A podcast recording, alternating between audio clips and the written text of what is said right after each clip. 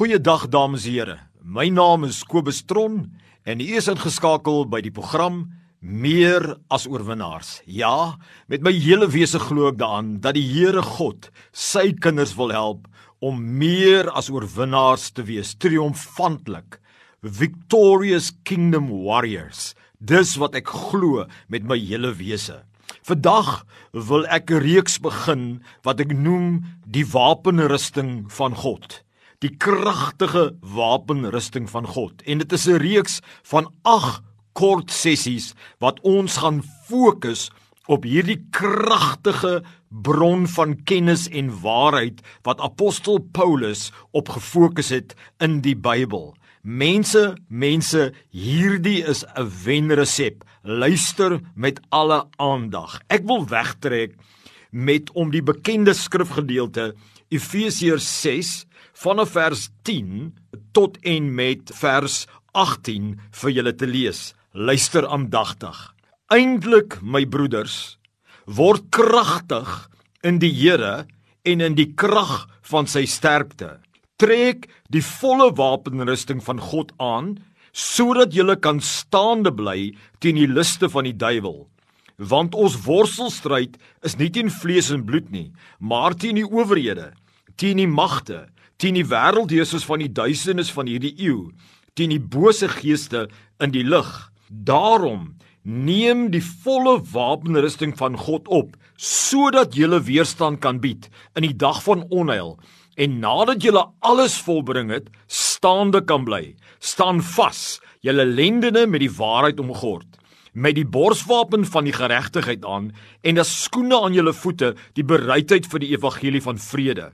Behalwe dit alles, neem die skild van geloof op waarmee jy al die vuurige pile van die bose sal kan uitblus en neem aan die helm van verlossing en die swaard van die gees. Dit is die woord van God terwyl jy met alle gebed en smekinge by elke geleentheid bid in die gees en juis daartoe waak met alle volharding en smeking vir al die heiliges. Duidelik leer die woord van God vir ons hier dat Paulus verwys na 'n Romeinse soldaat en hy wys dat die wapenrusting van God uit hierdie sewe gedeeltes van die Romeinse soldaat se wapenrusting bestaan. Hy noem die sewe die beld van die waarheid, die borsplaat van geregtigheid, die skoene van die bereidheid van die evangelie, die helm van verlossing, die skild van geloof en die swaard van die gees en die mond van gebed. En dan sê hy 'n kragtige belofte. Hy sê: "Wees kragtig in die Here, in die krag van sy sterkte. Trek aan die volle wapenrusting." En dan sê hy: "Want daardeur Daardeur veg julle teen bose geeste in die lug, teen bose owerhede en magte. Hierin lê jou sleutel opgesom met hierdie wapenrusting waarmee jy kan kragtig raak in die Here, waarmee jy die bose kan weerstaan en die Bybel sê as jy die bose weerstaan, sal hy wegvlug van jou. Mense, die Here wil vir jou deurbrake gee. Maar die Bybel sê jy het nodig om jou te beklee met die wapenrusting. En dan sê hy baie duidelik nadat jy alles gedoen het, staan. Met ander woorde die wapenrusting is sewe verskillende aksies wat jy deur en met die hulp van die Heilige Gees elke dag van jou lewe moet doen. Die Heilige Gees sal jou lei. Die Heilige Gees sal jou die krag gee. Maar jy moet besluit, ek loop met dit. Ek staan met dit. En nou wil ek heel eerstens fokus in hierdie sessie. In die volgende sessies gaan ek elke keer op een fokus. Wil ek fokus op die beld van die waarheid. Hy sê staan dan vas, julle lendene met die waarheid omgord. Wat bedoel die Bybel? Wat beteken dit? Hoe kan die beld van die waarheid en om gord te wees met die beld van die waarheid vir ons help in hierdie geestelike oorlog om meer as oorwinnaar te wees?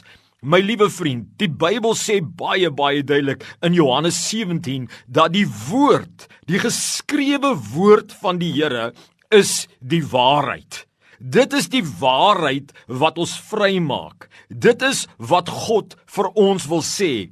As jy wil kragtig word in die Here, is die beld van die waarheid die nommer 1 ding. Met ander woorde, die Here wil sê, jy moet die kennis opdoen van die waarheid van die wee van die Here, die beginsels van die Here. Jy moet die kennis opdoen uit die geskrewe woord van die beloftes van God, van jou posisie in Christus.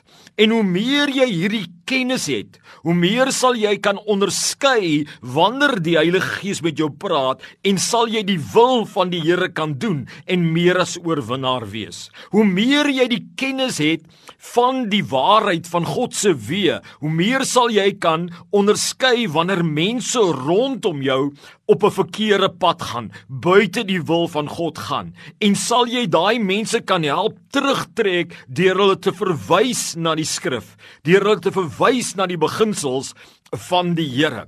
Hoe meer jy dit ken, hoe meer sal jy die bose kan weerstaan wanneer daar gedagtes na jou toe kom wat teenstrydig is met die woord van die Here.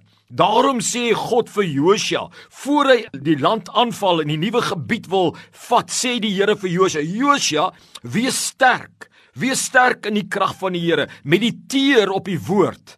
op my wee dag en nag sodat jy dit kan toepas en voorspoedig kan wees in al jou wee. My vriend, dis hoekom daar Bybelskole is. Dis hoekom God wil hê ons moet die woord ken. Sê die woord nie so baie duidelik in 2 Timoteus 2 vers 15. Ek gaan die Engels vir jou lees. Hy sê dit so mooi. Be diligent to present yourself approved to God, a worker who does not need to be ashamed, rightly dividing the word of truth. Wat kan werklik waar skei en dit reg onderskei die woord van die waarheid?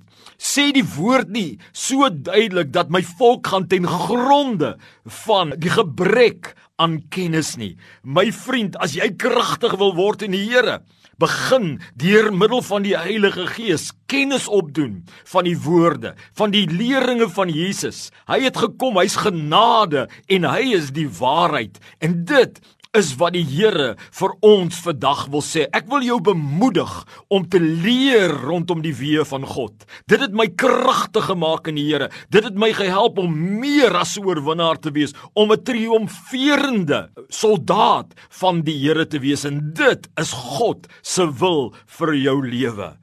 My vriend, ek hoop jy kom en luister volgende keer soos ek hierdie kragtige wapenrusting van die Here oopmaak. God seën, jy is meer as oorwinnaar. Jy is triomfantelik in die Here want God is met jou en jy trek sy wapenrusting aan, die beld van die waarheid.